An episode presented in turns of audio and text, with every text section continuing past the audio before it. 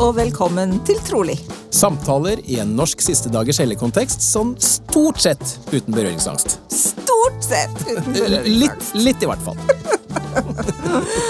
Jeg heter Joanna Bjerga, Og jeg heter Dan Rikard Hagen. og her i Trolig så deler gjestene våre sine personlige trosreiser. Og så snakker vi sammen om emner som opptar oss, og sannsynligvis også dere. Ja, For målet vårt det er å forsøke å skape et trygt rom med stor takhøyde og plass til alle. For alles historier fortjener å bli hørt. Og det er mer enn én måte å være en siste dagers hellig på. Eller noe helt annet. Trolig-podkasten skal være et sted der vi kan snakke om alt det vi kanskje ikke tar oss tid til, eller tør å ta tak i ellers. Vi minner om at Trolig-podkasten ikke er i regi av Jesu Kristi kirke og Siste dagers hellige, og at det som ble delt her, er våre og gjestenes personlige meninger og erfaringer. Vi har eh, et spennende program eh, i dag, for vi har besøk av en som opprinnelig kommer fra Trondheim. Bare det i seg selv er jo spennende nok, er det ikke det? Kjetil Bakland, velkommen til oss. Takk skal du ha. Du er jo eh, opprinnelig fra Trondheim, ja. Men uh, har altså da kommet på bedre tanker, sier jeg i anførselstegn, selv om ingen ser det, og flytta sørover. Men kan ikke du fortelle litt om eh, deg selv? Hvem er Kjetil Bakland? Ja, født og oppvokst i Trondheim, som du sier. Halvveis i 40-årene. Har kone, Katinka Bakland, som også er fra Trondheim, og vi har fem barn sammen. Nå har vi jo bodd lengre utenfor eh, Trondheim enn i Trondheim, faktisk. Eh, først i Vestfold, og så noen år i Østfold. Så eh, det er vel meg i et nøtteskall. Flytta opprinnelig fra Vestfold til Moss, Ja. og så ned, litt lenger ned nå, til, nå tilhører du Fredrikstad menighet. Stemmer. Og der sitter du i øyeblikket i biskopsrådet. Ja, det gjør jeg. Om dere har fem jenter, er det, ba er det bare jenter dere har, eller har dere fått en gutt òg? Ja, vi har fire jenter og én gutt, Ja, akkurat. så, så det ble en gutt uh, i Du kan begge formlene. Kan det. Ja. Så gøy. Og nå er alle tenåringer mer eller mindre, eller? Ja, yngste er eh, tolv år, så, så snart uh, er alle tenåringer eller eldre. ja. Så to har flytta hjemmefra, så det, det tynnes litt i rekkene hjemme. Så det nærmer seg en ny eh, fase. Ja. Liker du det?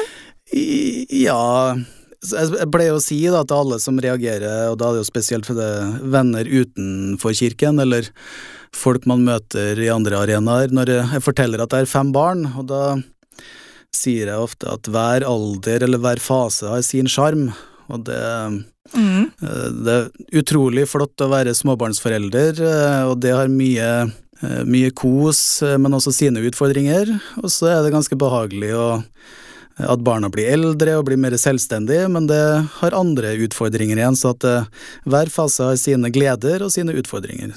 Så Mm.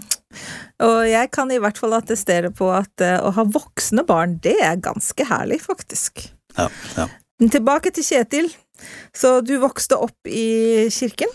Ja, min mor ble medlem på 60-tallet, så da jeg ble født, eh, så, så ble jeg jo med i kirken eh, fra første øyeblikk. Så eh, jeg har gått mine barneår i kirken i Trondheim, i primær, og opp igjennom i Unge Menn, og dro på misjon fra Trondheim. Kom tilbake til Trondheim, og vi gifta oss, da, Katinka og meg, og så flytta vi ganske raskt, faktisk, til, eh, til Vestfold og til området Tønsberg, hvor vi bodde i eh, Det var vel i 13 år til sammen vi bodde i, i området der.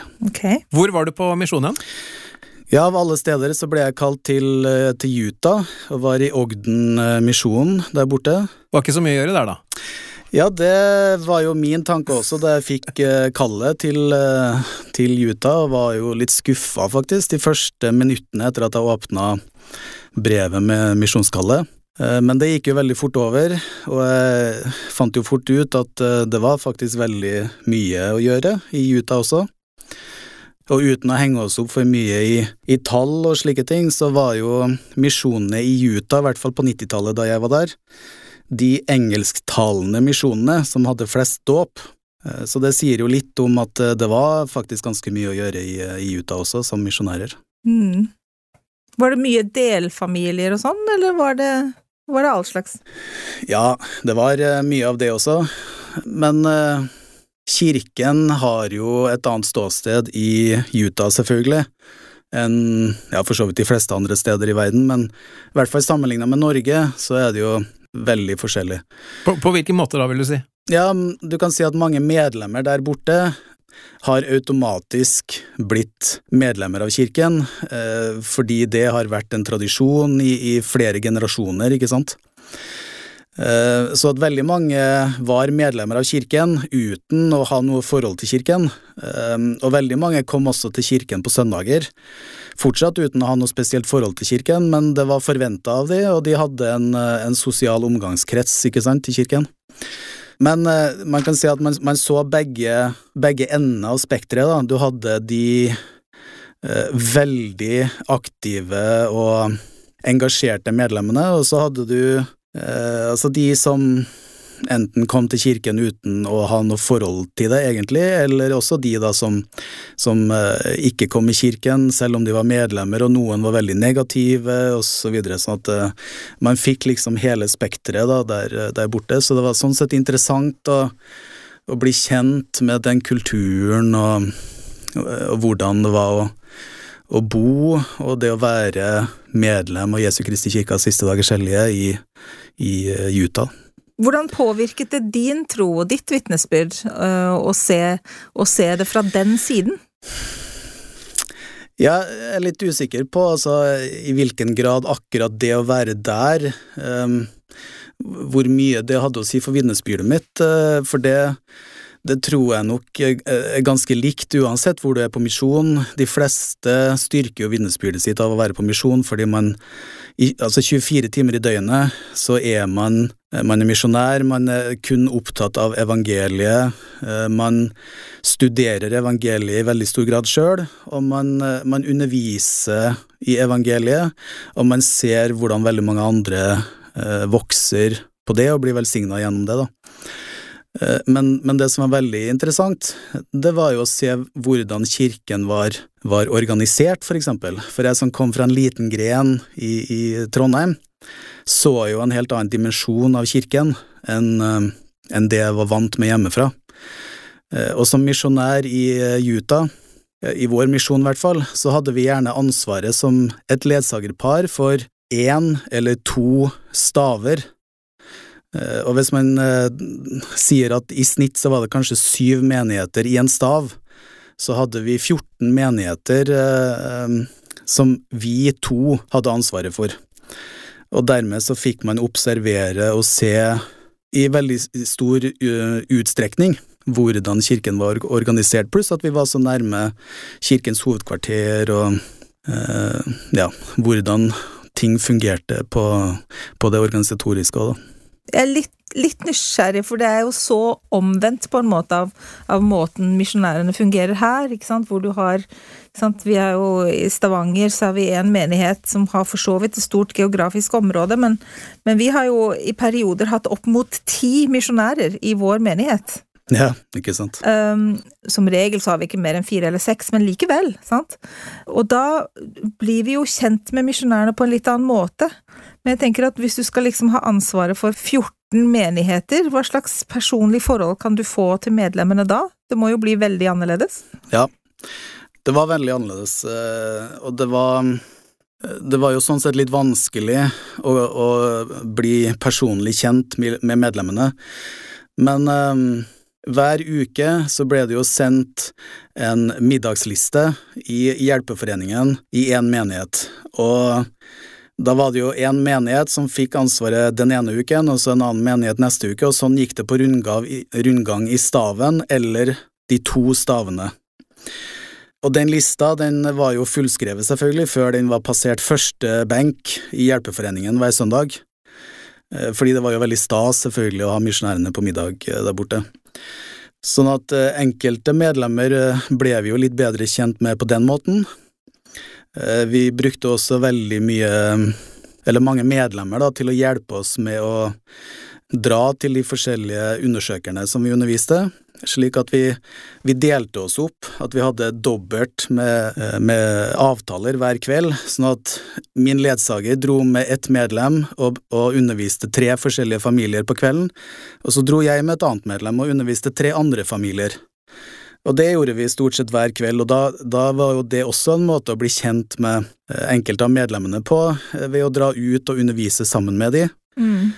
Pluss at vi gjorde faktisk en del Altså, vi gikk fra hus til hus også en del, blant annet for å eh, introdusere oss og bli kjent med medlemmer, sånn at noen medlemmer fikk vi litt ekstra kontakt med, men det var jo faktisk hundrevis av medlemmer i de menighetene vi, vi hadde ansvaret for i hvert område, så det var umulig å, eh, å bli kjent med alle medlemmene. Så ja, det ble en liten håndfull gjennom eh, middagsavtaler, gjennom å undervise sammen og sånne ting da, som eh, gjorde at vi, vi fikk et litt ekstra godt forhold, da. Og så kom du hjem. Hvordan tenker du at misjonen din har påvirket deg som et medlem eller som en, en pressedømsleder i kirken etterpå?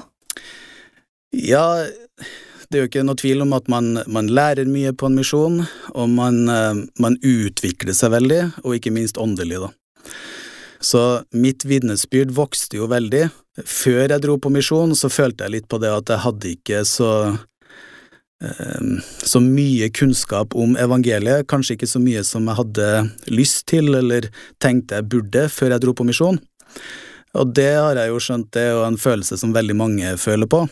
Men igjen, da, gjennom at det er tilrettelagt for å studere mye som misjonær, og ved å undervise i evangeliet daglig, Eh, så blir jo både forståelsen for evangeliet og ikke minst vitnesbyrdet om evangeliet styrka, fordi hver gang man diskuterte det, underviste det, eh, så ånden styrka jo, eller ånden vitna jo om det vi sa. Det er klart vi hadde jo selvfølgelig tilfeller hvor vi underviste hvor vi ikke følte ånden i så stor grad, både vi og selvfølgelig de vi underviste, men spesielt når vi så at det rørte ved de vi underviste, så ble det også Altså, du kan si at ofte så rørte ånden ved dem først, og så eh, rørte det oss igjen etterpå, ikke sant? Mm.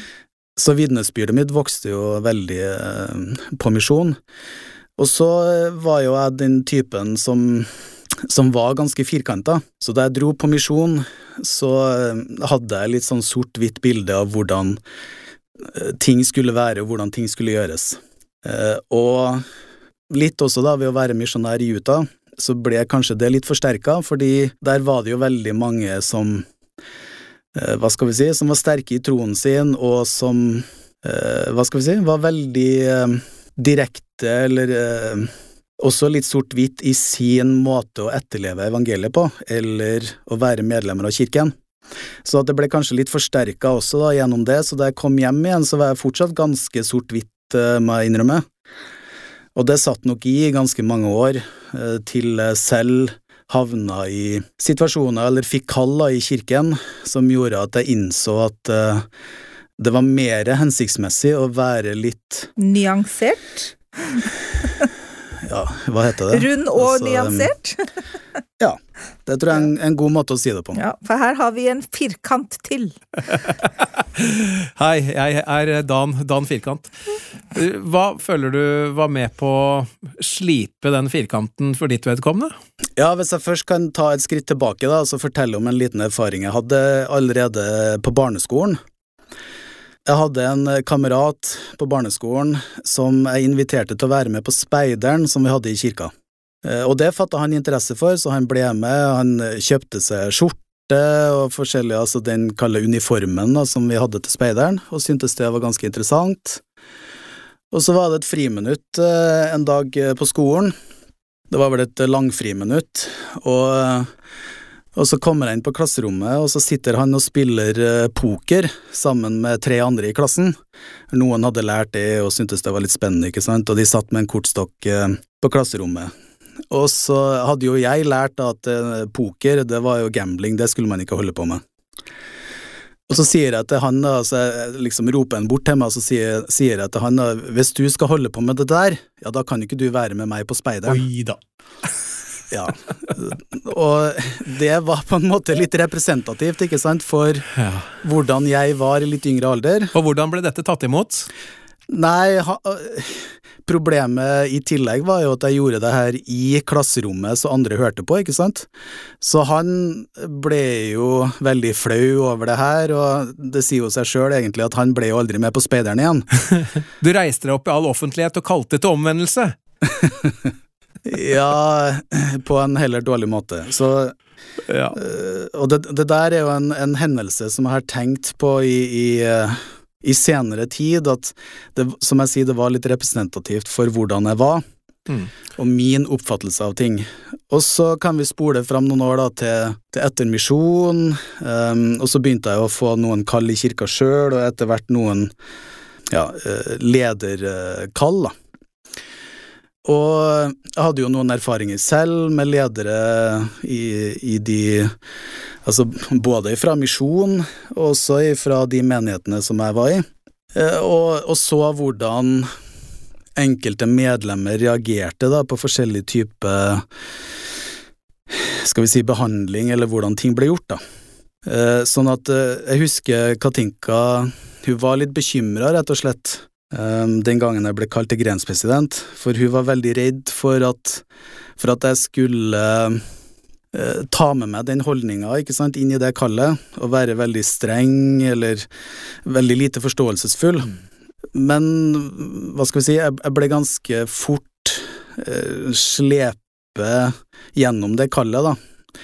Eh, Og antageligvis var det en velsignelse også, ikke sant, så i forbindelse med det å få det kallet. Mm. At jeg, jeg kom etter hvert til en forståelse gjennom å observere hvordan medlemmene eh, reagerte til eh, hvordan man gjorde ting, videre, ikke sant. Mm. Eh, Pluss at jeg fikk vel eh, noen eh, vennlige råd og tilbakemeldinger underveis også, og innså jo det når jeg tok et skritt tilbake, ikke sant, at her burde jeg nok justere noe av altså måten jeg håndterte ting på. da. Absolutt, men det jeg kan tenke meg, sånn som da du snakka med han eh, som du nevnte eh, i, klassen din, Ja. så hadde du jo de beste intensjonene, sant? Og det er det der, der som er litt sånn Som jeg syns kan være litt vanskelig innimellom, for vi er jo Det er jo som, som det står, det tilkommer enhver som er advart, å advare andre. Men eh, her må man trå veldig varsomt, og hele clouet kanskje er vel at hvis man skal advare noen, så må man gjøre det med ånd. Ja, og, og det er jo en ting som går igjen i all alle håndbøker og egentlig all undervisning i kirken ikke sant, presiserer jo at ting skal gjøres med åndens inspirasjon. Ja. Eh, Vi skal veiledes av ånden i det vi gjør. Eh, Men så må vi vel eh, kunne innrømme og erkjenne at alle som, som har et kall i kirken, de tar jo med seg skal vi si, sin forståelse og personlighet inn i det kallet, ikke sant. Vi har forskjellige forutsetninger, vi har forskjellig kunnskap, vi har forskjellig opplæring eh, gjennom utdanning, yrke og, og andre arenaer også, ikke sant, som vi tar med oss inn i det her. Så, og så har vi forskjellige personligheter. Så det er jo mye av oss selv når vi, når vi utøver kallet vårt også. Og, og jeg har sittet i forskjellige kall og, og, og mottatt inspirasjon i forhold til hva jeg burde si og gjøre, som jeg har eh, opplevd har vært veldig Altså til stor hjelp, da, både for meg og til de jeg har snakka med eller tjent. Uh, mens jeg må innrømme at i andre situasjoner ikke sant, så har jeg sittet der og vært litt sånn febrilsk i forhold til hva, hva skal jeg si, hva skal jeg gjøre nå, Mm. uh, for å hjelpe vedkommende, eller for å, eh, for å oppnå kanskje det jeg så som nødvendig i situasjonen her, da, for ja. Ja. Og det, Ja, ja, det, det kjenner jeg meg igjen Ja, det kjenner jeg meg igjen i. Jeg husker også en periode hvor jeg var i biskopsrådet, så hadde jeg et intervju med en ungdom som fortalte meg liksom noe om eh, vedkommendes eh, utfordringer i forhold til evangeliet på den tiden, hvor jeg satt og bare Hva søren sier jeg nå? Eh, men så har jeg lurt litt på det i etterkant, for at jeg sa jo noe. Og, og selv om jeg ikke nødvendigvis satt der og følte at wow, dette var inspirert, så lurer jeg på om vi av og til likevel bare skal stole på at vi i kraft av det kallet vi har, er inspirert, selv om vi ikke nødvendigvis føler det der og da. Ja, jeg har opplevd begge deler der og da. Altså, jeg har sittet i råd med, i et presidentskap hvor vi Hvor målet har vært å organisere enten en aktivitet eller eksempel å endre på omsorgsarbeidet osv., hvor man ja, man har et møte hvor man, man starter møtet med en bønn, man, man, ber om inspirasjon og ber om at vi må handle riktig, ikke sant. Mm. Uten at vi nødvendigvis har noen sterke åndelige tilskyndelser i løpet av det møtet vi så har, så gjør vi Eller vi, vi konkluderer med noe eh, som vi da prøver å sette ut i livet. Og så hører vi, eller vi får tilbakemeldinger da, kanskje uker eller måneder senere, eh, hvor enkelte da eh, har fått stor hjelp, eller føler de har blitt velsigna igjen, eh, på grunn av de tingene som vi beslutta i det møtet. Mm.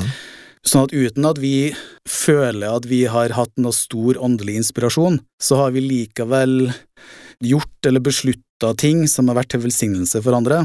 Mm det, det, må ikke være kalle de der, de der store tilkjennegivelsene for at det skal uh, være uh, inspirert, eller for at det skal være riktig eller godt, da. Nettopp.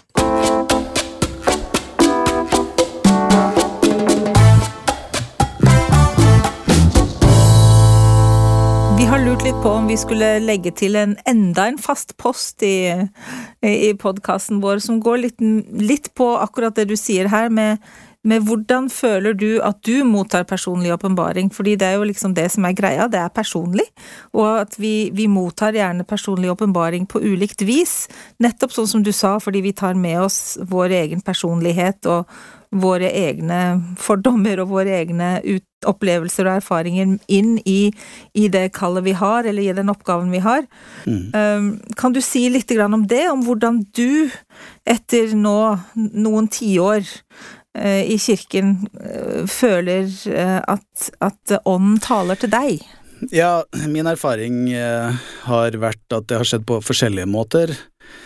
Enkelte ganger så kan jeg ha et spørsmål eller en tanke, og når jeg funderer på det, da, så, så får jeg et Altså, jeg føler en, en fred rundt Eh, det jeg ønsker å komme fram til, eller, eller, den beslutningen, eller det valget jeg har tatt. Og andre ganger så er det den der brennende følelsen eh, i brystet som vi ofte snakker om i, i kirken, hvor, eh, hvor ånden har, har vitna. Jeg har også opplevd å, å, sitte og fundere, eller at jeg har fundert på noe i lengre tid, og så kommer svaret ofte gjennom en tale, for eksempel, om det er i kirken, eh, i eh, min egen menighet, eller om det er generalkonferanse, eller noe annet jeg blir fortalt eller hører. For min del så er det ikke én måte jeg føler jeg mottar et svar eller får inspirasjon på. Eh, det kan, det kan, være litt forskjellig, og så enkelte ganger kan det være at jeg søker et svar og føler at jeg ikke får det i det hele tatt. Eh, og det kan gå dagevis, og det kan til og med gå ukevis. Men uh, til slutt så vil det være en, gjerne en av de tingene som jeg uh, nevnte nettopp, da, at det, kommer gjennom en, en, tale at det spørsmålet blir besvart, eller at hvis det er noe for min egen del, så er det en, en opplevelse eller et eller annet, og ofte ofte i forbindelse med at, eh, at jeg leser i Skriften, at det, det kommer en en følelse, en fred og en ro, og enkelte ganger den der brennende følelsen som, som gjør at øh, hvis det var noe tvil rundt de spørsmålene, så forsvinner den tvilen, da. Så din erfaring er at du må gjøre noe først? Ja, absolutt. Det er klart jeg kan sitte i, i andre sammenhenger, eh, for eksempel Eh, i kirken, eller jeg kan sitte i bilen på vei til jobb og høre på generalkonferansetaler. Eh, jeg har vært på de her leder, eh, lederskapsmøtene som man ofte har i staven et par ganger i året, hvor jeg sitter og hører på det som blir fortalt, og, og, og får en bekreftelse rundt det som blir sagt, da, eller, eller, kanskje heller at jeg føler meg styrka og opplevd av det som blir sagt, og at jeg mm. føler den freden og den, den gløden, eh, uten at det nødvendigvis eh, har noe med spørsmålene mine å gjøre, og da er det jo igjen bare det med å få den der åndelige styrken, eller eh, Ja. hva skal vi si, boosten, som vi ofte omtaler det som. Får meg til å tenke på Jeg husker så godt før Før jeg kom tilbake igjen til kirken, så var jo jeg DJ og spilte ute på alle mulige steder.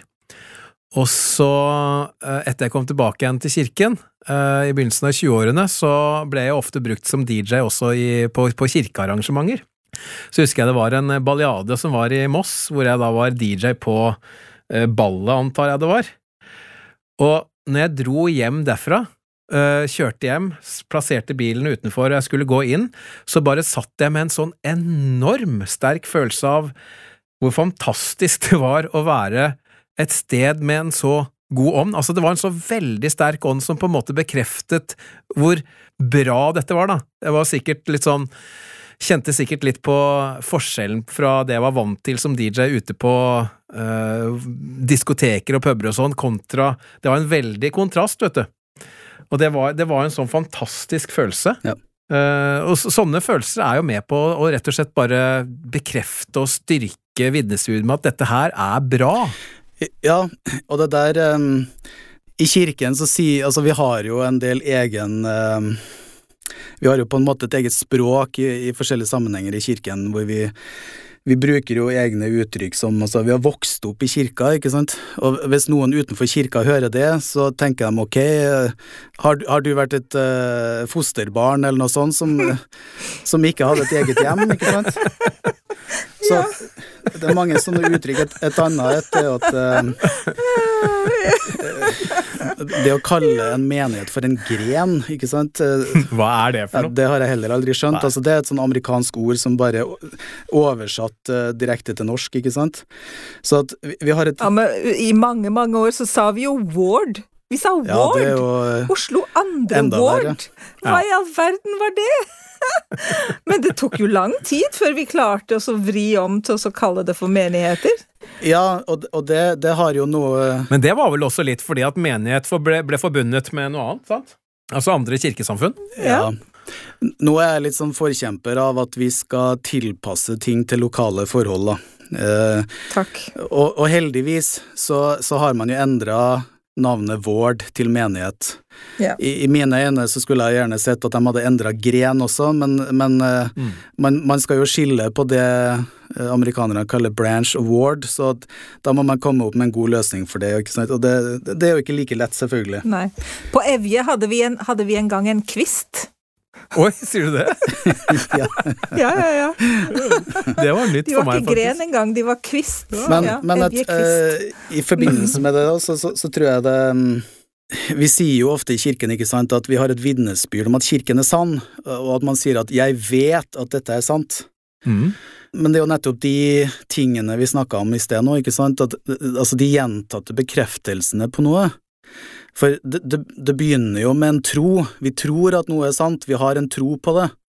Mhm. Men etter gjentatte bekreftelser så kan vi jo si at den troen den har jo vokst til noe mer, fordi vi har fått det bekrefta så mange ganger at nå kan jeg si at ja, det er ikke bare en tro lenger, jeg har fått bekrefta den troen så mange ganger at nå vet jeg faktisk at, at de tingene her som jeg tror på, ja, det er, det er faktisk sant. Det er ikke bare noe jeg tror på lenger. Mhm.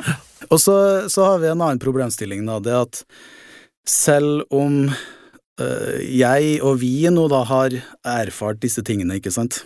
Eh, vi syns det er flott å gå i kirka, eh, vi, vi føler en glede ved å være der, og vi føler oss oppløfta og styrka ved å gå dit. Men så har jeg jo dessverre hørt enkelte medlemmer da si at hver søndag når jeg drar hjem fra kirka, så har de dårligere samvittighet, og de er mer deprimert enn da de kom til kirken. Ok. Eh, og, og, og det har jeg fanga opp eh, blant annet som eh, altså i, i form av en del av de lederkallene jeg har hatt også. Og, og det har fått meg til å stille en del spørsmål, da, eh, og undres. Altså, hvorfor det? For kirken og evangeliet som blir undervist i kirken, det skal jo være en kilde til glede. Mm. Så hvis du drar hjem fra kirka og er mer deprimert eller ne mer nedbrutt, da er det noe galt et sted, og så har jeg prøvd å spørre meg sjøl, altså, Altså, hva er det som er galt? Er det noe med den personen? Er det noe som skjer i kirka? Er det noe jeg har gjort, for eksempel? Har jeg sagt eh, noe dumt? Og de som kjenner meg, vet jo at til tider så kan jo jeg bare plutselig buse ut med enkelte dumme ting, eh, selv om jeg prøver jo å tenke før jeg snakker. Og så, over flere år, da, så tenker jeg at uh, jeg har landa på at det er kanskje et, hva skal vi si, et ganske sammensatt bilde som, som uh, gjør at enkelte føler det sånn. Noe jeg for øvrig har, har et ønske om å Altså, jeg synes det er veldig synd at enkelte kommer til kirka og har den opplevelsen av kirka, så jeg ønsker at vi kan gjøre det vi kan for å legge til rette for at det ikke skal være sånn. Det er egentlig poenget mitt. Da kommer vi litt inn på kjernen rundt egentlig litt av hele poenget med, med podkasten òg. At ikke sant, hvordan kan vi skape rom som gjør at folk kan føle eh, større tilhørighet, og se at, at, det er så mangfoldig. Ja. Ikke sant? At kirken er mangfoldig, at det er ikke noe one size fits all, og det er mm. ikke så rigid og Eller trenger i hvert fall ikke være det. Men, men ja, hva, hva, kan vi gjøre da, ikke sant, for at vi i hvert fall gjør vår del, for at ikke folk skal oppleve det som, som eh, Altså at, at kir kirken og kirkelivet bare blir en ekstra byrde på veien. Jeg glemmer aldri, jeg så en annonse en gang for et arrangement på et bedehus. Eh, lokalt her i Stavanger. Det var noen som skulle holde et foredrag, og så sto det 'Med bedehuset i ryggen' eller 'bedehuset på ryggen'. ja. Veldig ja, bra. Sant? Og så tenkte jeg ah, det er ikke bare oss, tenkte jeg. For det er jo sånn, ikke sant? Altså at vi kan oppleve kirken som oppløftende og styrkende og, og et sterkt fellesskap og eh, noe som gir stor glede. Og så kan vi òg oppleve kirken som bare en, en, en, byrde og plikter og krav og, og som du sier, ikke sant, at du sitter bare igjen med dårlig samvittighet over alt det du ikke får til. Hva gjør vi da? Ja, altså det Jeg tror det er en ganske sammensatt problemstilling som det er vanskelig å gi ett konkret svar på. Eh, men som jeg sier, for min egen del så har jeg jo gjort en del observasjoner og, og, og kommet fram til en ting, eh, altså en del ting som jeg prøver for min egen del å ta hensyn til når jeg skal utøve de kallene jeg har hatt. Det er klart hver enkelt har ansvaret for sin egen åndelige helse, men så er det veldig mye vi andre kan gjøre for å tilrettelegge for at det skal være en, en, en god og, og, trosfremmende kultur da, og atmosfære. Jeg har hørt veldig mange ganske unge familier eller unge par, la oss si slutten av 20-årene, i løpet av 30-årene. Veldig mange familier og par i, i kirken eh, får jo Altså, de gifter seg jo ofte i ung alder og begynner å få barn, eh, og det fortsetter. Eh, for min egen del, vi har jo fem barn. Eh, Dan Rikard har vel slått meg med god margin. Ja, jeg syns det. og så har vi vel altså andre også med, med, store familier, og det er klart, i, i 30-årene så, så, begynner det å innhente veldig mange.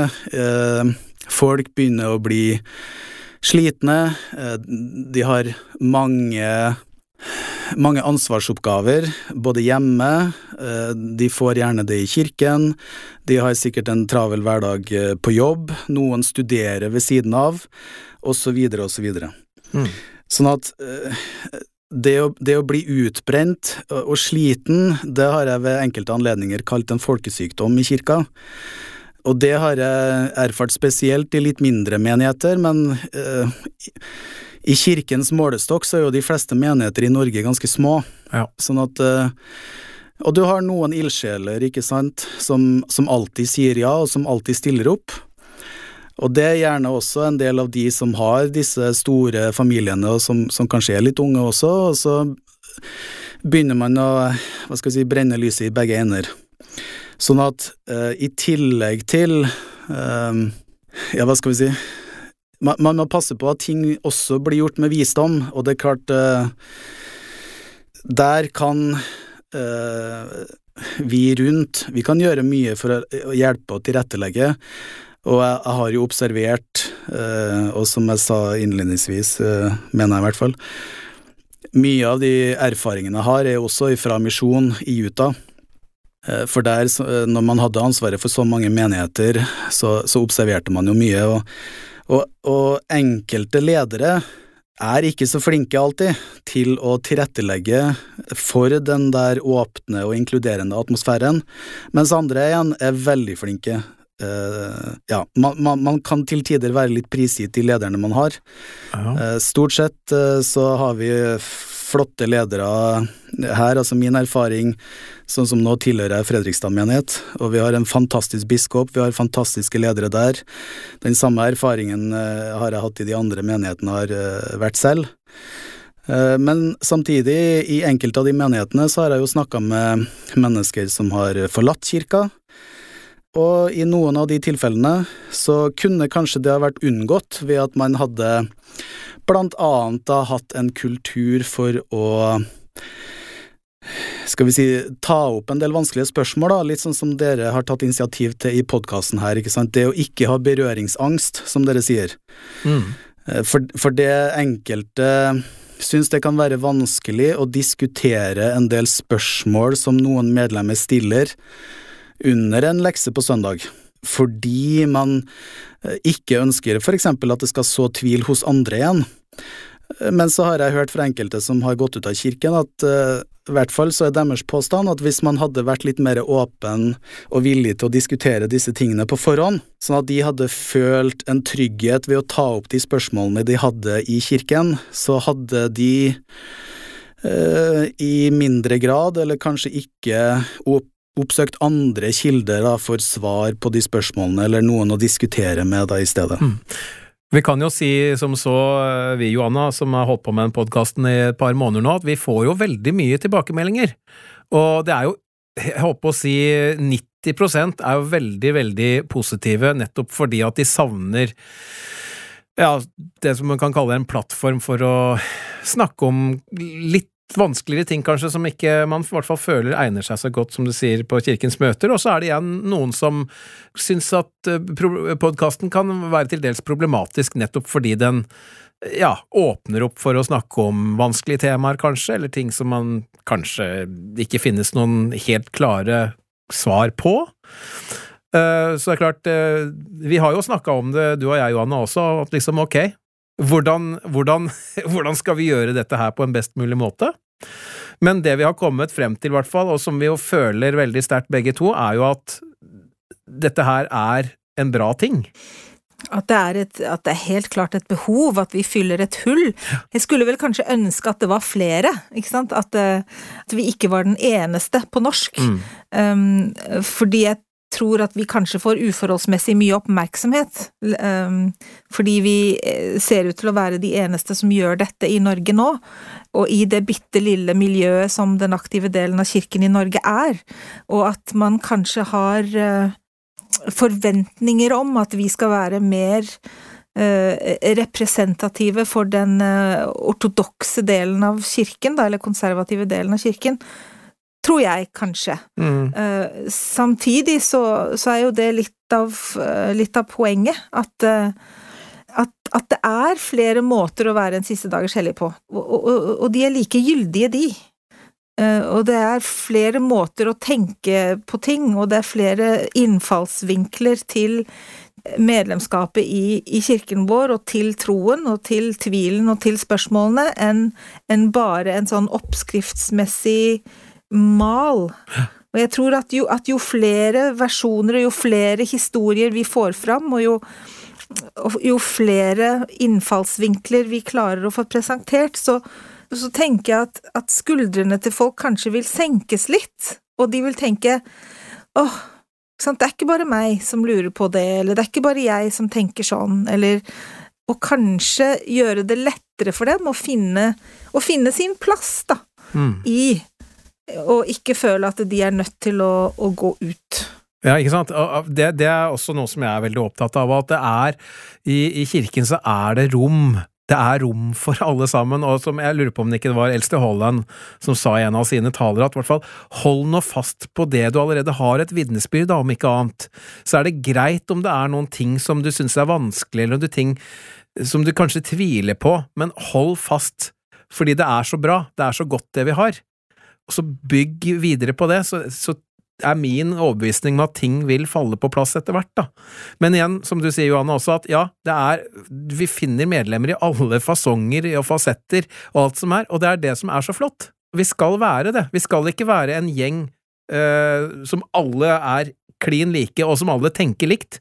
For jeg tenker at kanskje det Jeg vet ikke, nå kaster jeg muligens inn en brannfakkel, men ettersom vi er en del av en restoration, gjenopprettelse, den vil jo fortsette.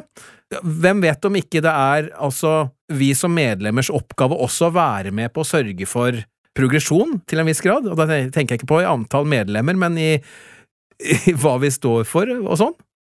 Jeg vet ikke om det er en brannfakkel, men Ingen brannfakkel. Selvfølgelig er det sånn. Ja. no brainer. Altså, selvfølgelig så er det jo sånn at vi, staten det er deg, og kirken det er oss. Altså, ikke sant? Altså eh, Av og til så blir jeg litt sånn matt når folk sier ja, men kirken sier, og kirken mener, og kirken har gjort, og kirken Så tenker jeg, hvem er kirken? Kirken er oss. Det er vi Mm. som er medlemmene av kirken, som utgjør kirken. Og derfor blir det også så viktig hva vi kommuniserer, og hva vi presenterer. Ikke sant? Eh, samtidig som, som vi må unngå det derre glansbildeversjonen som ingen kjenner seg igjen i. Ikke sant? Altså, eh, livet er eh, messy, Mm. og, og det, må, det må komme fram.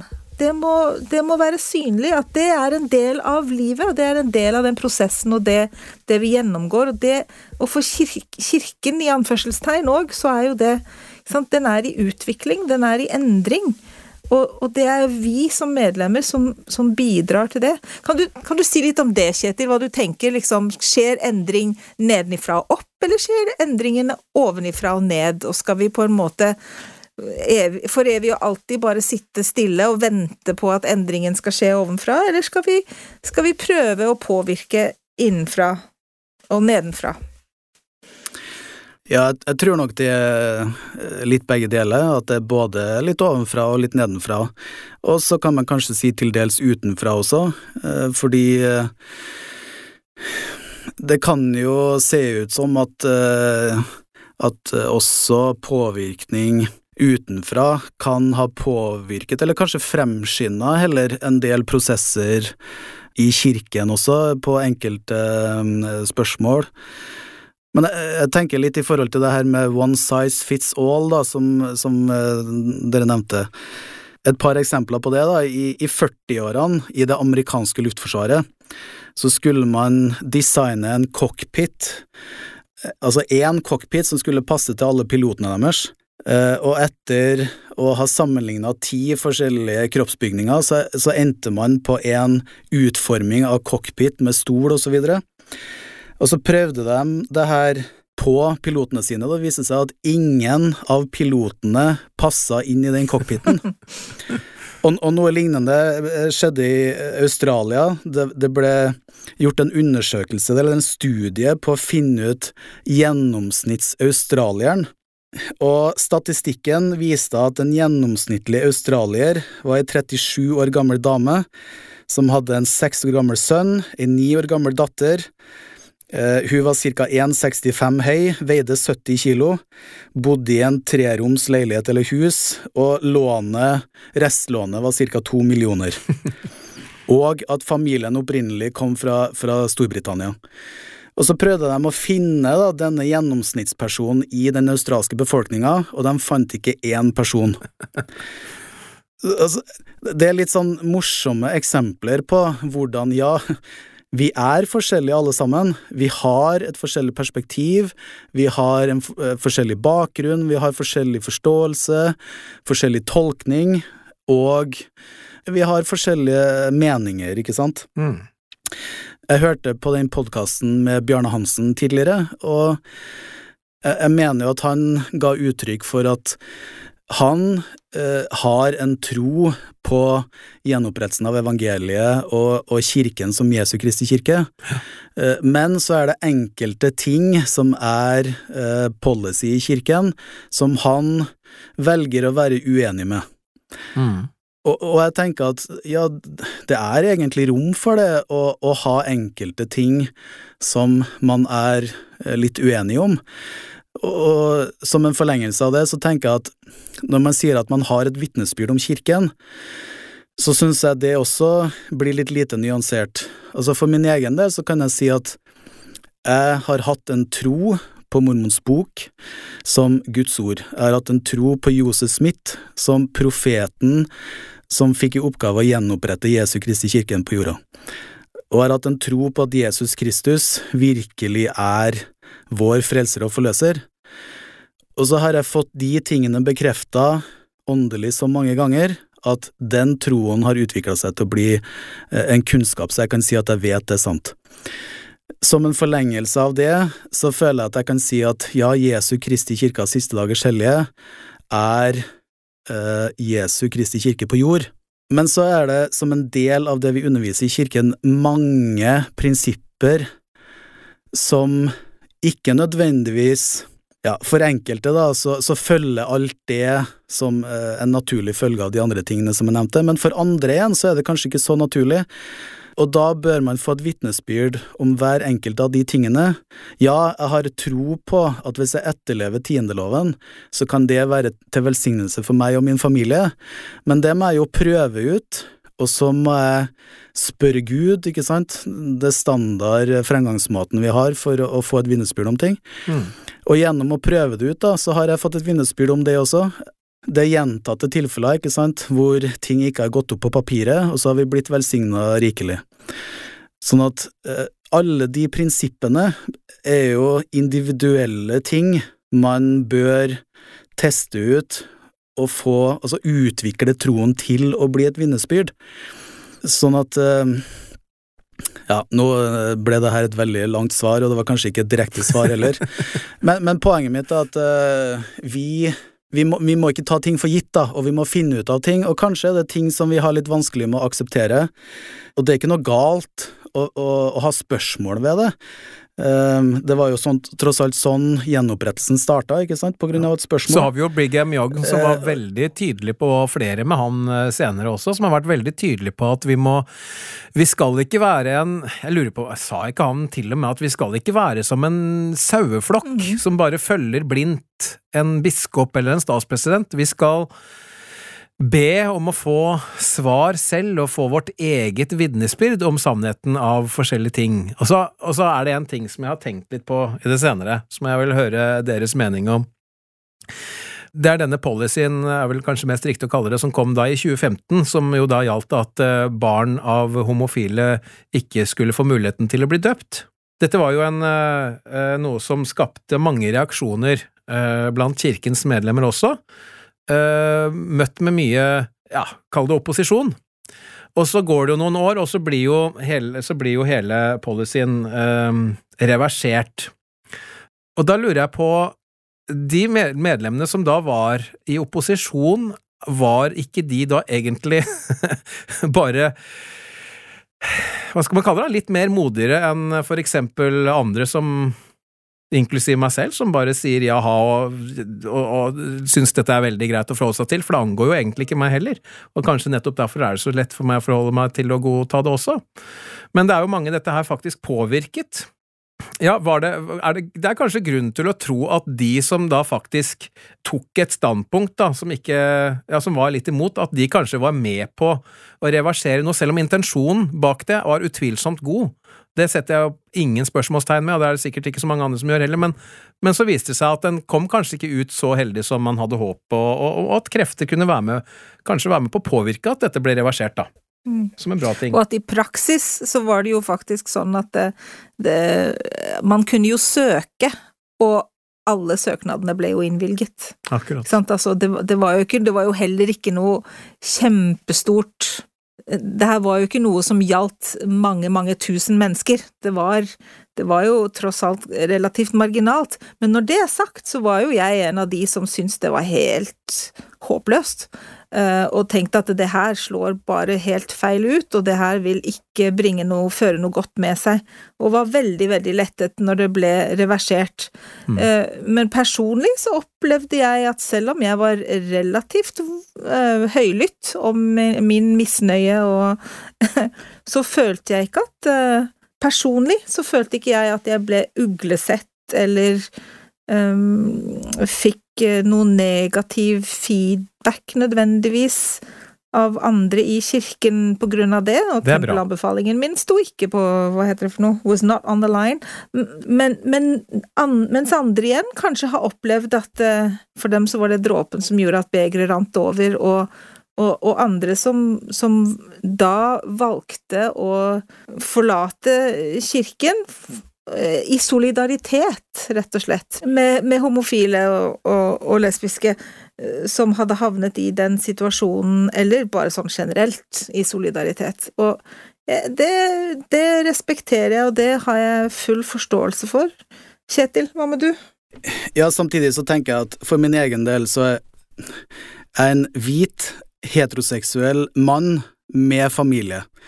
Så at i kirka, hva har jeg grunn til å reagere på? Altså, det er ingen av de der kontroversielle tingene egentlig som har truffet meg direkte. Sånn at jeg tror enkelte medlemmer, da, eh, nummer én aksepterer ting fordi det kommer fra profeten, og nummer to aksepterer ting fordi det ikke treffer dem. Og, men så er det en annen side her som, som den tingen her også belyser, som jeg, jeg mener ja, hva skal vi kalle det? Altså det, det, er en ting som vi som medlemmer og medlemsmasse må, må være bevisst på, og det er jo hvordan Herren leder sin kirke, og hvordan profeten øh, mottar åpenbaring. Eh, for eksempel da pandemien begynte for et års tid siden, så var det jo mange som sa at President Nelson var jo inspirert og visste at covid kom. Derfor så ble det nye hjemmesentrerte eh, programmet introdusert, ikke sant, Kom følg meg. Personlig så tenker jeg at eh, jeg tror ikke profeten visste at eh, covid-pandemien kom, men han var tilskyndet til Eh, på forhånd, eh, og sikkert de tolv og flere andre også, til å innføre det her programmet, som nå er en velsignelse for oss under pandemien. Sånn at av og til så tillegger vi profeten og lederne litt mer enn det vi burde. Det samme ser vi i forhold til gjenopprettelsen av kirken. Man skulle jo kanskje tro at når Herren skal gjenopprette sin kirke på jorden og kaller en profet, så vil profeten motta det han trenger for å organisere kirken. Men realiteten er jo at profeten Josef Smith måtte jo søke og, og, spørre om alt, ikke sant. Det kom jo stykkevis og over lang tid. Sånn at um, det å tro at, uh, at lederne og, og, profeten bare mottar alt i klartekst det er faktisk ikke sånn det fungerer. Man skulle kanskje håpe at det fungerer sånn. Jeg ser for min egen del, i mitt liv òg, jeg får ikke levert alt i fanget. Altså, jeg, jeg, må jo spørre om ting, og jeg må eh, studere for å prøve å finne svar. Det, alt jeg ønsker å få svar på, det kommer ikke bare til meg uten videre. Sånn at eh, på et lavere nivå, da, på, på menighet og sånn som jeg har erfaring med, så er min erfaring at man, man legger frem en løsning i bønn, og så, når man føler at det er riktig å gjennomføre, så gjør man det.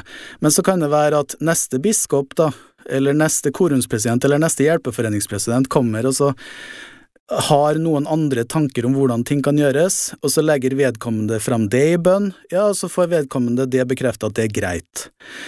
Jeg tror at det er ikke bare én måte ting kan gjøres på. Det er ikke én riktig løsning til enhver en problemstilling. Eh, sånn at eh, selv om eh, profeten og de tolv legger fram en sånn sak, så betyr ikke nødvendigvis det at det er det eneste riktige å gjøre, og at Gud eller Herren ikke forutså at det kom til å bli reversert.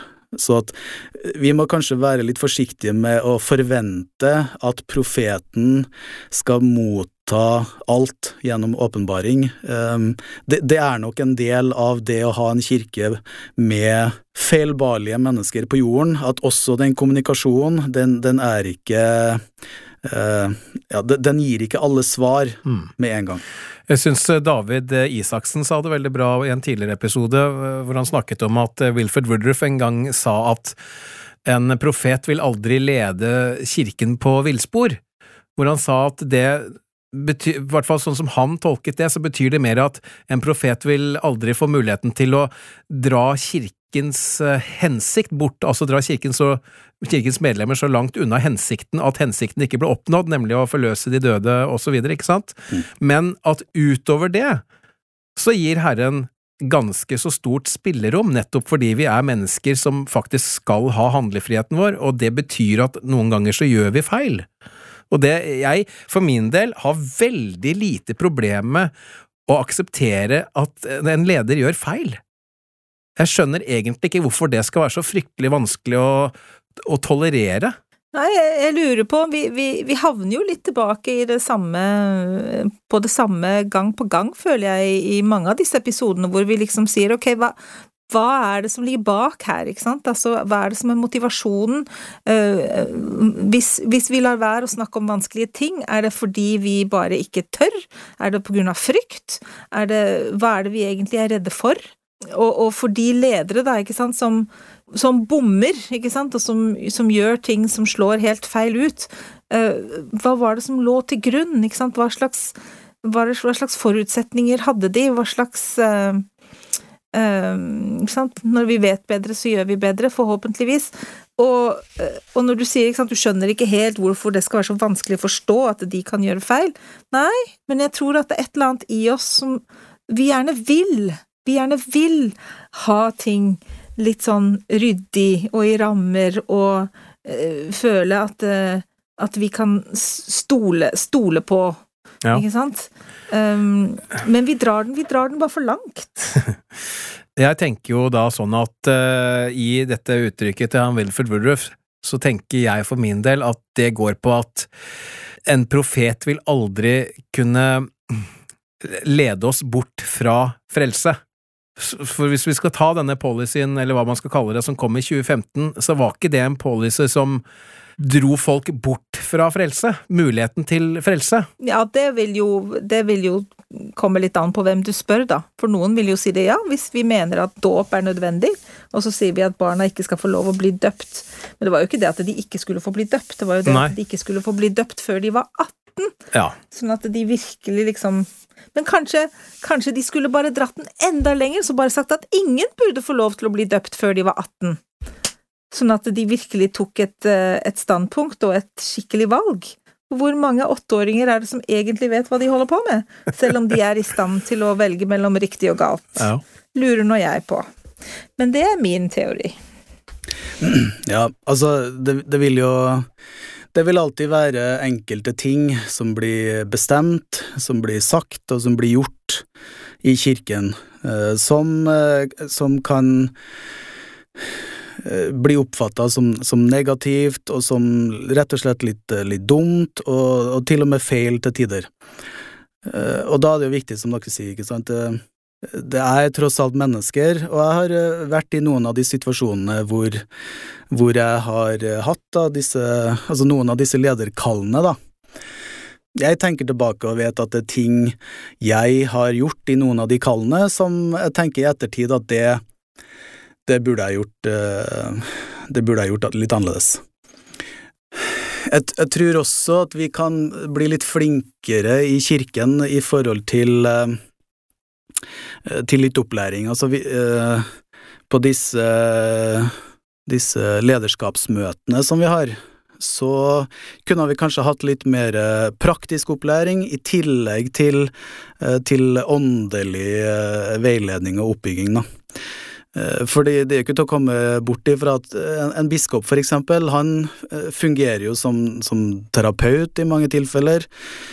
Og det kan være mm, enkelte som har store problemer, det kan til og med være folk med psykiske utfordringer, og så. Og da, ja, selv om Eh, selv om man eh, forbereder seg til en, en samtale, og selv om man er, er åpen for, for, åndens veiledning og tilskyndelser, så jeg skal være så ærlig å si at jeg har sittet i enkelte sånne situasjoner, og, og på en måte skreket innvendig da, uh, etter et svar på, på hva, hva kan jeg si nå, hva kan jeg gjøre nå i denne situasjonen?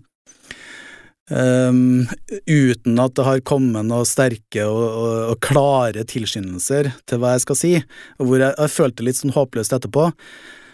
Heldigvis så har jeg også hatt andre situasjoner hvor jeg har uh, mottatt uh, inspirasjon om hva jeg kan si, um, og, og, de jeg har snakka med, har vært veldig takknemlige for uh, den samtalen vi har hatt, og at de føler at de har, de har fått hjelp i forhold til de, noen av de utfordringene de har hatt.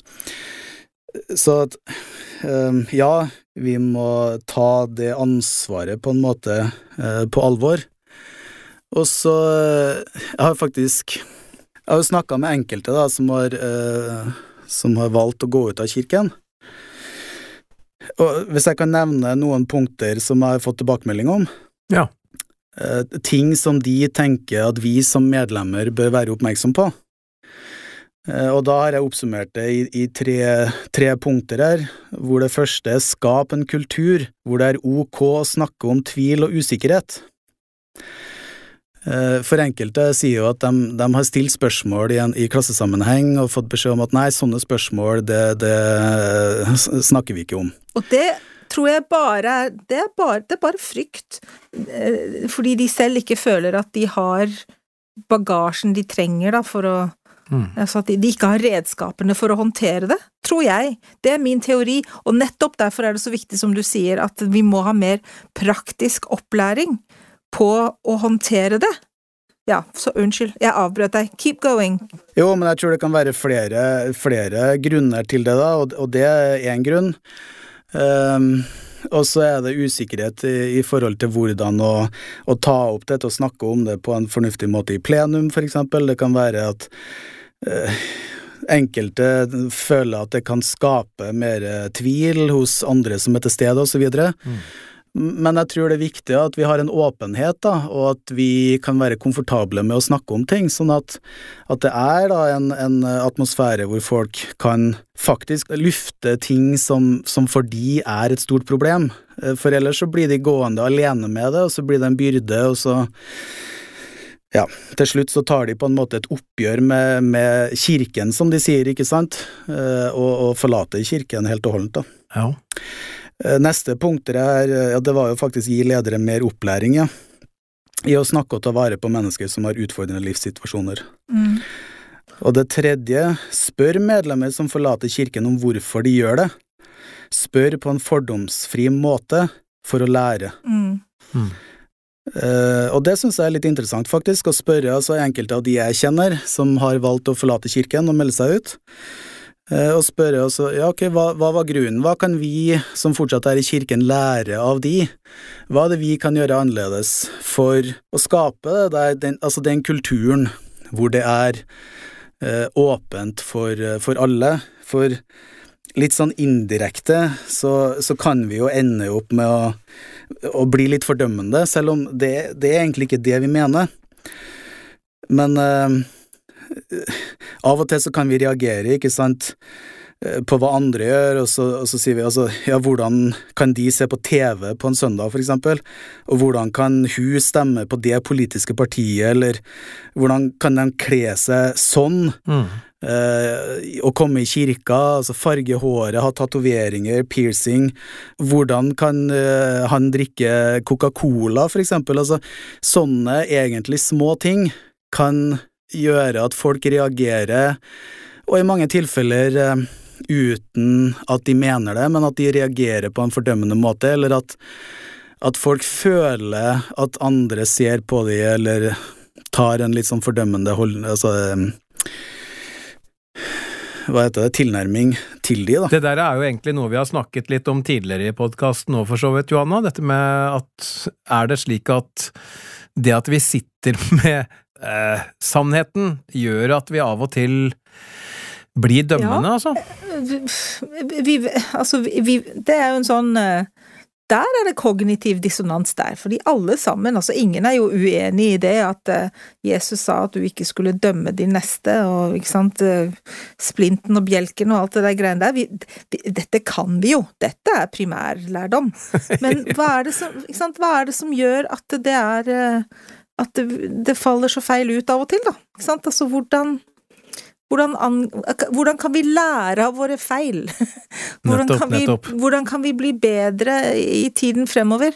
Jeg må jo òg innrømme, når jeg hører på deg, Kjetil, at det, at det, det er samtidig en liten bit av meg, kjenner jeg, ikke sant? For jeg har jo vært i samtaler noen ganger med, med folk som har valgt å forlate kirken, og tatt meg selv i å bli veldig defensiv, det har jeg jo nevnt på podkasten før òg, men òg tatt meg selv i å bli veldig taus. Fordi jeg har vært litt redd for å si noe feil, Mm. og fordi jeg ikke har villet være defensiv, og fordi vedkommende også har gitt veldig tydelig uttrykk for at de vil ikke være et prosjekt. Ja. Ikke sant? At de vil ikke, de vil ikke oppleve at de er et prosjekt. Og hvordan, hvordan, eh, hvordan formidler man at man bryr seg, uten at det er et prosjekt? Uten at de skal føle at det er et prosjekt? Ja. Fordi innerst inne ønsker jeg egentlig at vedkommende skal ombestemme seg og komme tilbake. Ja Det, det er agendaen, ikke sant? Er det ikke det? ikke sant? Jeg må jo innrømme det, kanskje. Sant? Altså, når jeg skal Ja. si nei, nei, det er samme for meg. Er akkurat samme for meg. Ja. Ikke sant? Jeg, poenget, poenget mitt er at jeg bryr meg jo akkurat like mye om den personen, uansett. Sant? Mm. Men hvordan, hvordan for, klare, skal jeg klare å formidle til vedkommende at jeg, jeg er glad i deg uansett, det spiller ingen rolle øh, hva du har valgt, eller hva du gjør, eller hva du mener, Jeg tenker jo, jeg tenker jo at du svarer samtidig som de ikke skal føle Jeg tenker at du svarer på ditt eget spørsmål eh, i det du sier akkurat nå, jeg. Å ja, okay. For det er jo egentlig det det dreier seg om, det du sa nå, at jeg er akkurat like glad i deg på tross av at du velger noe helt annet. Og sånn som Kristoffer eh, og Maria Andersen var inne på ved en tidligere podkastepisode, det de trengte var en heiagjeng. Mm. Er det ikke kanskje like greit å bare si så flott at du har kommet til en avgjørelse som du føler bra for? Selv om det er helt det motsatte av hva vi ville valgt. Klarer vi det? Klarer vi å liksom se på hverandre som heiagjeng for hverandre? Er det, er det det som er målet her? Skal vi, skal vi være Kan vi ikke bare være heiagjeng? Ja, jeg Jo, tenker det. For, Vi for, jeg skal mener, være heiagjeng. for eksempel, som Kristoffer også sa, eller Maria sa det om Kristoffer, altså, de medlemmene som prøver å komme med grunner for å ikke gjøre det, det er jo ikke ting som ikke han kjente fra før. Nei. Det er lite sannsynlig, tenker jeg, at jeg kommer til å si noe om evangeliet som vedkommende som kanskje har vært medlem i mange år, ikke allerede vet. Mm. Og allerede har tatt en uh, grundig oppvask rundt. Men, men der uh, må jeg jo innrømme Jeg kjenner jo flere som har, eh, som har meldt seg til kirka.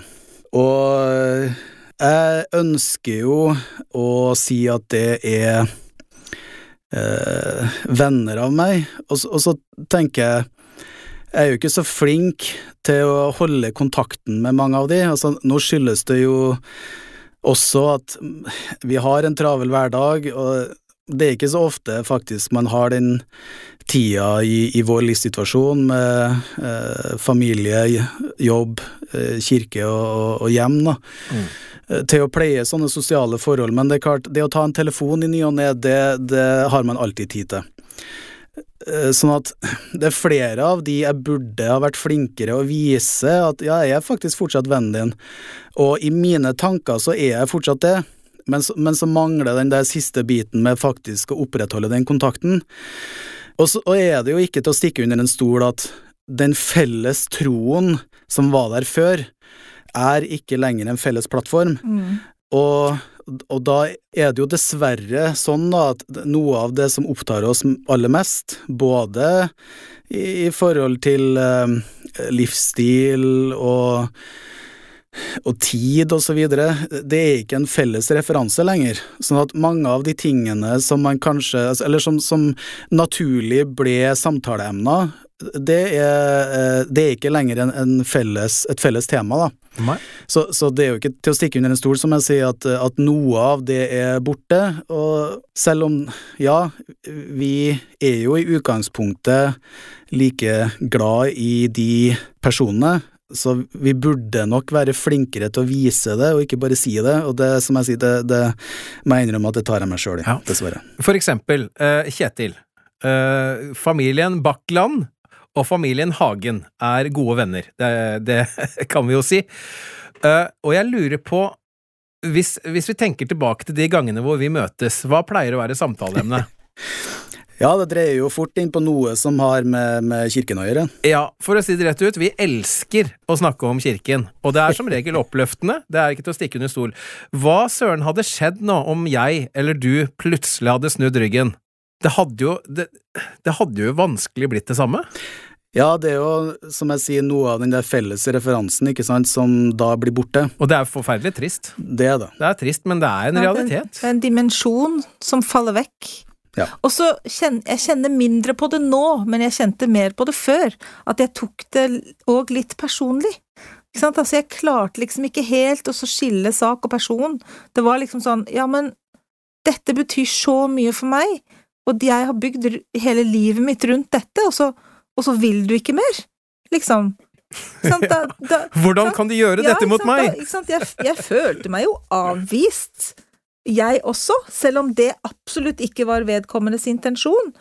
Ikke sant? Så jeg tror at hvis jeg skal klare å opprettholde et vennskap eller en relasjon Vi er tilbake på relasjoner. Mm. Uh, opprettholde en god relasjon til en person som har valgt vekk uh, en, en, viktig bit av mitt liv og sitt liv, så må, så må man klare å skille, da. Og så klare å ikke, ikke, ta det, ikke ta det personlig. Og jeg tror Ida sa dette ganske bra, syns jeg, en av de første episodene våre, hvor hun snakket om det at vi må slutte å ha denne agendaen bak tingene vi gjør. Lettere sagt enn gjort, men selvfølgelig. Ikke sant? Er jo, vi er jo ingen, ingen som er uenig i dette her. Du hører også på Trolig-podkast med Johanna og Dan, i dag med besøk av Kjetil Bakkeland fra Fredrikstad menighet. Vi begynner å nærme oss de faste postene som vi alltid har på tampen av eh, nok en gang en relativt lang episode, men eh, før vi går dit, Kjetil, er det noe mer du kunne tenke deg å ta opp? Ja, Det er jo egentlig en litt forlengelse av det vi snakka om, da, eh, i forhold til folk som har gått ut av kirken, eller som er på vei ut. Ja. Altså det at vi ofte blir litt defensive, eller at vi prøver å overbevise dem for å få dem tilbake. Og i så måte, ikke sant, så er det Vi, vi prøver så hardt å forklare ting. Mm. Altså prinsipper, eller, eller, om det er kanskje i større grad historiske begivenheter eh, fra kirkens historie, eller bestemmelser som blir, blir tatt i kirken. Men veldig ofte så har vi jo ikke svaret på de tingene. Eh, vi kan synse, og vi kan mene, og vi kan spekulere så mye vi vil om de tingene, men ofte så har vi ikke svaret, og jeg tror det er viktig også at vi erkjenner det. At enkelte ting som vi, som vi lærer i kirken, som har med kirken å gjøre, og som også kan ha med evangeliet å gjøre, at vi kan ikke forklare utfallet, eller vi kan ikke forklare årsaken til det. Enkelte ting må vi rett og slett akseptere, eller vi må ha tro på det, eller ha tro på at en dag så kommer vi til å få en forklaring. Eh, og i den prosessen så er det jo da viktig for å få bekrefta den troen, og be om disse tingene, ikke sant, sånn at vi kan få et personlig vitnesbyrd om det. Det, det, er mange ting der vi ikke klarer å, å, gi et konkret svar på, selv om enkelte spør og spør, og de synes de tingene er vanskelig. Et eksempel, ikke sant, eh, gullplatene da de ble oversatt. I utgangspunktet så sier jo historien at Emma Smith ikke fikk se platene, men da de flytta til Kirtland, så fikk Mary Whitmer som, eh, som de bodde hos, hun fikk jo faktisk se platene av en engel eller et sendebud. Hvorfor fikk ikke Emma det? Altså, det her var bare et helt vilkårlig eksempel på at ja, sånne spørsmål har vi ikke noe gode svar på, og da må vi enten akseptere det, eller i hvert fall spørre i bønn om sånne ting, ikke sant, for å kunne akseptere det. Og hva er bønn? Ikke sant? Det er jo ikke nødvendigvis bønn hvorfor i all verden Emma ikke fikk se platene, men, men heller vær så snill og la meg føle fred rundt dette, tenker du, eller? Riktig. Ja. Men, Ja. men, eh, men jeg tenker òg at det, det må være lov å si, vet du, det, det vet jeg ikke, og det vet vi ikke, og det vet ingen. Ja. For sånn er historie. Per definisjon så er historie litt sånn. Vi kan ikke vite hvorfor folk tenker hvordan de har tenkt, nødvendigvis, eller hvorfor de har gjort ting de har gjort. Det tenker jeg at det er litt viktig, at vi må slutte oss å prøve oss å, å finne årsaksforklaringer for Gud. Ja. At vi skal liksom sitte her og så, og så si hvorfor, hvorfor har Gud bestemt det, eller hvorfor har Gud sagt det, eller hvorfor har øh, øh, Nei, det er ikke vår jobb, faktisk. Mm. Nei, men samtidig så er det altså vi blir så ivrige av og til etter å besvare spørsmålene til de som har disse spørsmålene. Eh, Sånn at vi kan, at vi kan eh, føle at vi har bidratt til å hjelpe de komme forbi det hinderet som det faktisk er for dem. Mm. Og da blir vi av og til så ivrig at vi, vi vil gjerne gi dem et svar. Men, men som du sier, av og til så har vi ikke de svarene, og da må vi bare erkjenne det. og av og til som, når vi har de spørsmålene, så må vi også da innse at enkelte av de tingene har vi ikke et klart svar på, dessverre. Og eneste måten da å kunne gå videre på, hvis det er et stort hinder for oss, ja, det er faktisk å spørre i bønn for å kunne eh, falle til ro da, i forhold til det spørsmålet, og kunne gå videre. Og da nærmer vi oss etter hvert slutten på denne episoden der vi snakker med Kjetil Bakkland om alt mulig rart, egentlig. Altså, hvordan skal vi karakterisere dette her? Ja, alt, alt og egentlig Alt og ikke, ingenting? ikke ingenting. Ikke ingenting. Vi Nei, snakker ikke om ingenting. ikke ingenting. Vi snakker mest om alt. Vi snakker mest om alt. Ja. Og nå nærmer vi oss altså de faste postene våre. Og den første faste posten, det er jo Er det noe du kunne tenkt deg å endre i kirken, hvis du kunne? Ja, det må vel, som vi har snakka litt om, da, være det med den kulturen vi har. At uh, det er egentlig veldig lite som er sort-hvitt uh, i kirken. Og det blir jo presisert at man skal gjøre lokale tilpasninger, for eksempel. Som et eksempel på det, da, i, i Tønsberg så flytta vi møtetiden fra klokken 11 på formiddagen på søndag til klokken 2. Og det var fordi at uh, det gikk ikke buss i Vestfold som gjorde at folk kunne komme seg til kirken på egen hånd uten å bli henta før klokka to, for eksempel. Uh, og det uh, var jo litt vanskelig for enkelte å svelge, men, men da la vi til rette for medlemmene for det. En annen ting var at vi med statspresidentens tillatelse kutta jo ut søndagsskolen eh, en periode også, slik at vi bare hadde to timer eh, for å eh, kutte litt av belastningen på, på medlemmene. Dere var bare litt tidlig ute. Forutseende. ja, det kan man jo si. Og, og det, det er et eksempel på praktisk tilpasning. Og så er det det med, som vi snakka om, den kulturen at, at det er ikke bare vi medlemmer som, som aksepterer alt, som skal føle oss hjemme i kirka, men alle bør føle seg hjemme i kirka. Det må være rom for å stille spørsmål, uten at nødvendigvis man skal ta en hel klasseperiode på, på det eller de spørsmålene, men ingen skal føle seg oversett, da tenker jeg.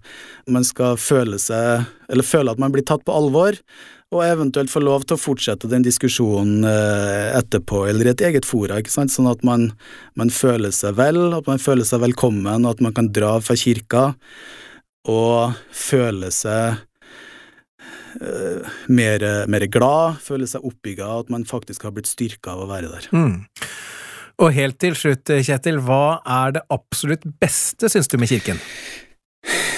Det absolutt beste, det er jo at vi, vi lærer om det gjenoppretta evangeliet.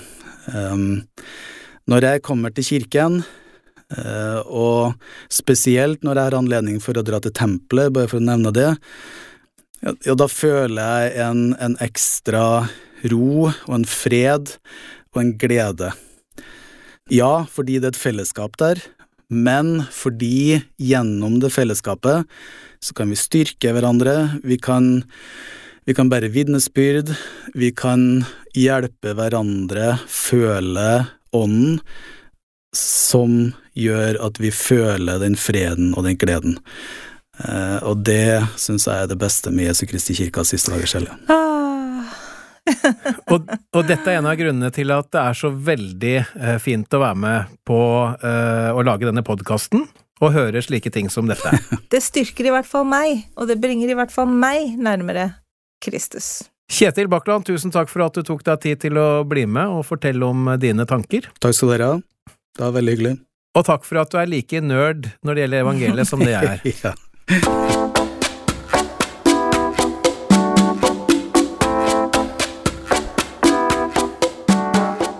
Tusen takk for at du hørte på dagens episode. Om to uker så er vi tilbake med en ny spennende samtale. Men allerede om én uke kommer en ny utgave av nyhetsbrevet vårt, Mer enn trolig, som du kan abonnere på via Facebook-siden vår. Glem heller ikke at du kan følge oss på både Instagram og Twitter, og at vi gjerne tar imot forslag til f.eks. For gjester og emner på e-post. Da kan du skrive til troligpodkast, med k altså, troligpodkast at gmail.com. Og hvis du liker det du hører, så blir vi ekstra glad for skriftlige vurderinger, særlig i Apple Podcast-appen. For slike vurderinger gjør nemlig at flere kan oppdage Trolig-podkasten. Da høres vi igjen om to uker.